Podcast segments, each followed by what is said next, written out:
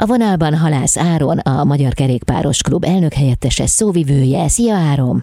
Szia, jó napot kívánok mindenkinek! Szombaton újra megrendezi az iBike Budapest felvonulást a Magyar Kerékpáros Klub. Lesz tehát egy hatalmas bringás megjelenés. Hogyan készültök rá? Hát már csak az most jelenleg az, a visszaszámlálás folyik az iBike Budapest felvonuláshoz, ez most egy nagyon gyorsan megszervezett esemény lesz, mert Ugye tavaly elmaradt a felvonulás a koronavírus miatt, és most tavasszal is elmaradt, addig vártunk, amíg a, az ilyen demonstrációs korlátozásokat nem oldották fel, és amint ez megtörtént, kitaláltuk gyorsan az útvonalat, bejelentettük a rendőrségen, és ahogy lehetett meghirdettük, de hát így is három hetünk volt mindenre megszervezni a felvonulást, meghirdetni, rendezőket toborozni, de, de nagyon jól állunk, és a, a Facebookon a részvevői szám is egész szépen alakul, mert több mint tízezren visszajelöltek rá. Mi a célotok? Hát ezen a felvonuláson az elsődleges az, hogy aki eljön, meg tudja nézni, hogy milyen Budapest bicikliről. Olyan helyeken, ahol máskor nem nagyon tud kerékpározni. Végigmegyünk a Budai alsó rakparton, átmegyünk a Petőfi hídon, az Andrási út teljes szélességében a kerékpározásé lesz, és a Városligetben pedig egy, egy nagy piknikkel és egy bringemeléssel zárjuk az egész felvonulást, és reméljük, hogy aki eljön és ezt látja, ő egy kicsit utána kedvet is fog kapni, egyrészt ahhoz, hogy kerékpározzon, másrészt ahhoz, hogy egy biciklis városban éljen, mert rá fog jönni, hogy nagyon jó helyek tudnak lenni Budapestnek azok a részei is, ahol máskor egyébként az autók vannak inkább többségben, és, és, hogy, és hogy mennyire vidám dolog tud lenni, amikor tényleg több mint tízezren kerékpároznak együtt az emberek. Uh-huh. A felvonulás délután két órakor indul a budai alsórakpart Margit hídtól északra eső szakaszáról, de a menetet támogatja Hollandia nagykövete is. Milyen módon?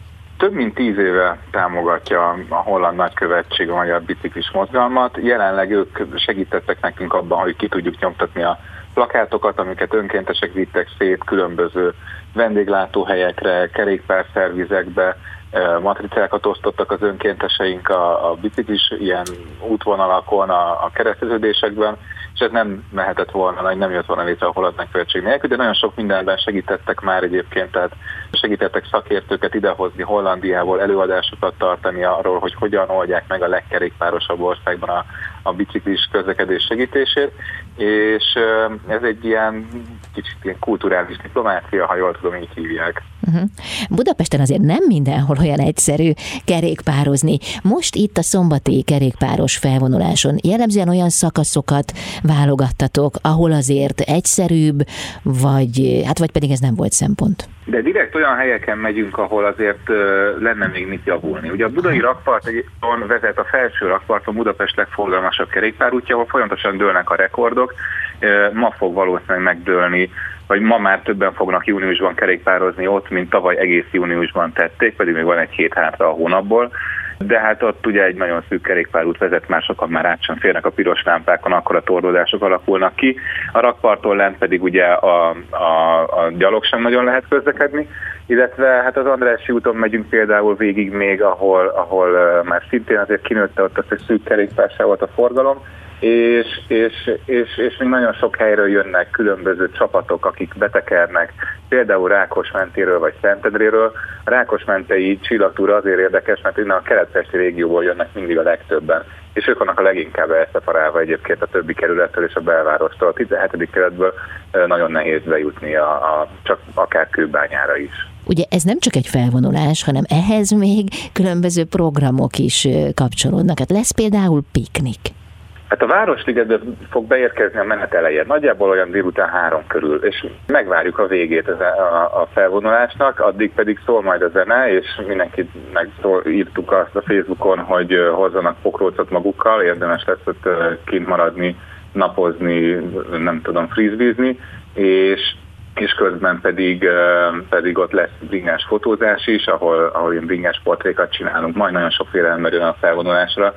Érdekes a Durán visszanézni például ezeket a képeket, és lesz egy-két ilyen zenés bringa, akik majd talán ott is maradnak később. Úgyhogy ilyen programokkal készítünk, nem tervezzük túl ezt az egészet, szeretnénk, hogy főleg a kerékpározásról szóljon, de azért egy-két ilyen dolgot még közben így be szoktunk iktatni. Áron, egy ekkora eseményt bizonyára nagyon sokan készítenek elő.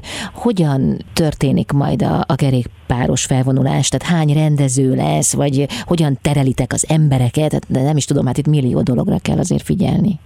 Hát van több mint 200 önkéntes rendezőnk, aki segít, és nagyon figyelünk arra, hogy egyébként ne okozunk óriási fennakadást a városban, ezért például a több mint 200 rendező abban segít, hogy a gyalogosok át tudjanak menni a zebrákon, néha megállít a menetet, a fő tömegközlekedési járatokat és az autóforgalmat több helyen átengedik keresztbe, úgyhogy ez így nagyon sokat tud abban segíteni, hogy ne álljon meg Budapesten, így tehetekerünk rajta keresztül.